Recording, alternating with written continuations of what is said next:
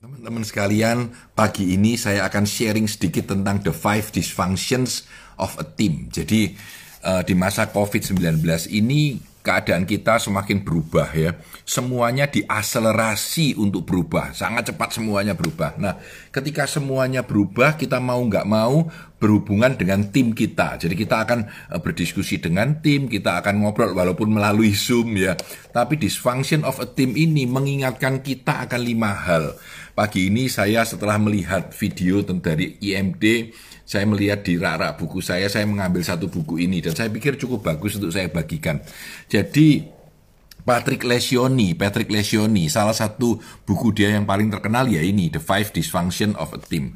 Jadi tim itu menjadi kurang kuat, kurang powerful ketika ada lima elemen. Jadi lima elemen ini yang harus diselesaikan supaya tim kita bisa sangat powerful. Nah, di zaman yang sangat eh, apa namanya yang sangat tidak pasti ini kita butuh tim kita lebih daripada segalanya. Yang pertama, ya yang pertama dulu ada lima dysfunction. Yang pertama, the absence of trust. Tidak adanya kepercayaan. Kalau saling tidak mempercayai, ini akan menjadikan kita tidak sepowerful seperti kalau kita sudah saling mempercayai. Ya, the absence of trust. Jadi uh, saya coba dulu uh, apa namanya. Sebenarnya saya ingin tulis judul aja sih di sini ya. Five dysfunctions dysfunctions of a team. Nah, ini saya post ya. Saya pin aja pin ya. Nah, five dysfunctions of a team. Yang pertama tadi saya bilang trust ya. Ketika tidak ada trust di dalam grup kita, absence of trust, maka kehidupan kita itu akan invulnerable. Jadi berbahaya untuk saling tidak jalan ya.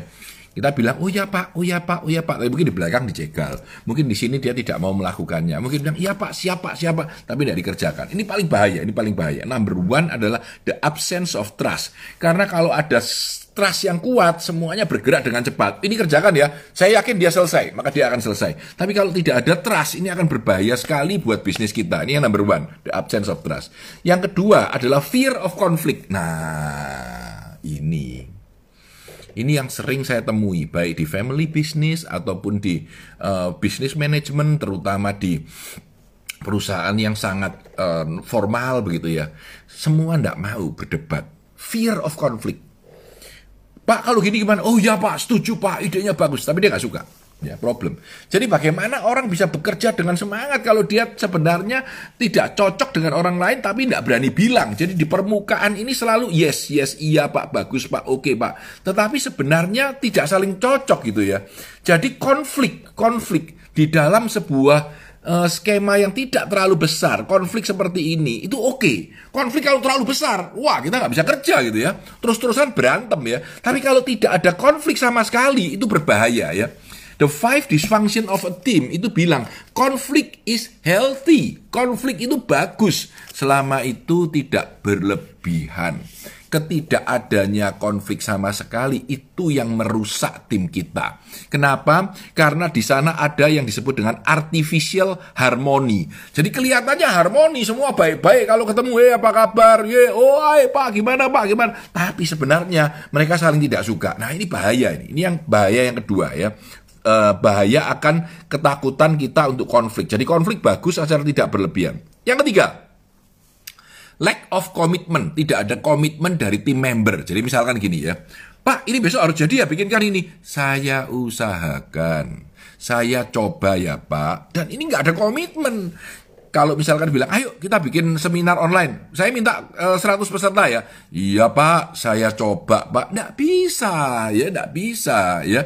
Kita harus punya komitmen, saya yakin bisa gitu. Kalau nggak bisa ya nanti tanggung jawab saya. Saya akan kerja ekstra keras kalau memang nggak bisa ya.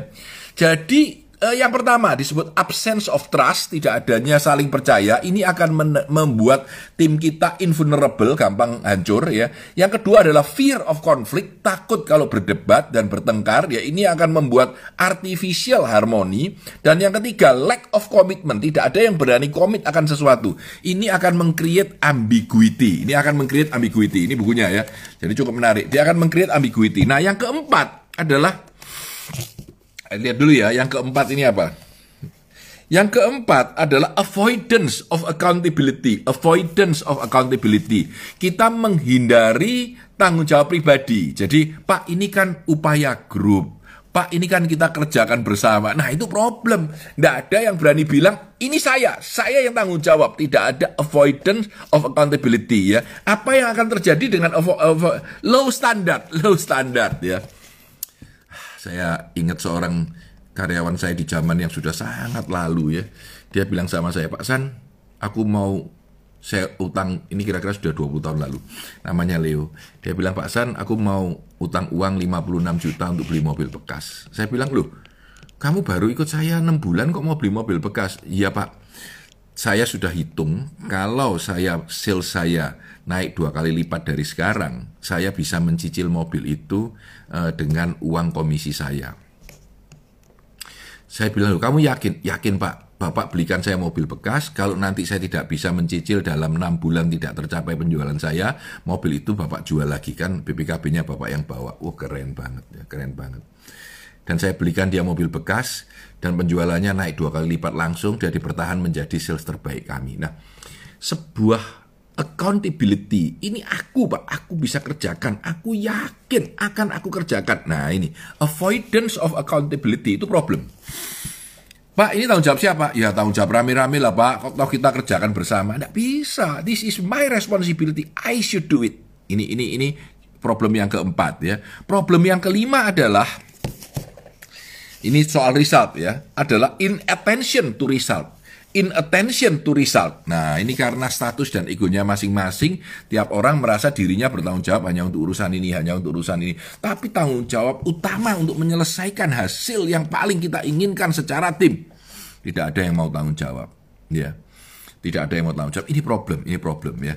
Dan di dalam zaman COVID-19 ini, ketika leadership kita ditantang, ketika kita harus membentuk tim inti kita, entah itu lima orang, entah itu tiga orang, entah itu tujuh belas orang, tim inti kita harus benar-benar menjadi tim yang solid. Dan kalau ada yang disebut the five dysfunction of a team, di mana tidak adanya trust, tidak adanya konflik, tidak adanya konflik, ya, tidak adanya komitmen, ya, kurangnya accountability setiap orang dan tidak adanya attention terhadap hasil akhir itu akan membuat kita menjadi berat. Ya, persaingan kita semakin tajam, akselerasi kita semakin tinggi dan hanya dengan kekuatan tim yang luar biasa yang mau saling mendukung, yang saling mempercayai, yang saling mau bertanggung jawab terhadap uh, apa namanya? hasil yang harus dihadapkan. Hanya dengan itulah maka kita bisa menjadi tim yang solid dan pada saat Covid selesai kita menjadi pemenang. Terima kasih teman-teman sekalian. Saya Tanah Santoso. Sukses selalu untuk kita semua. Salam sehat dan damai.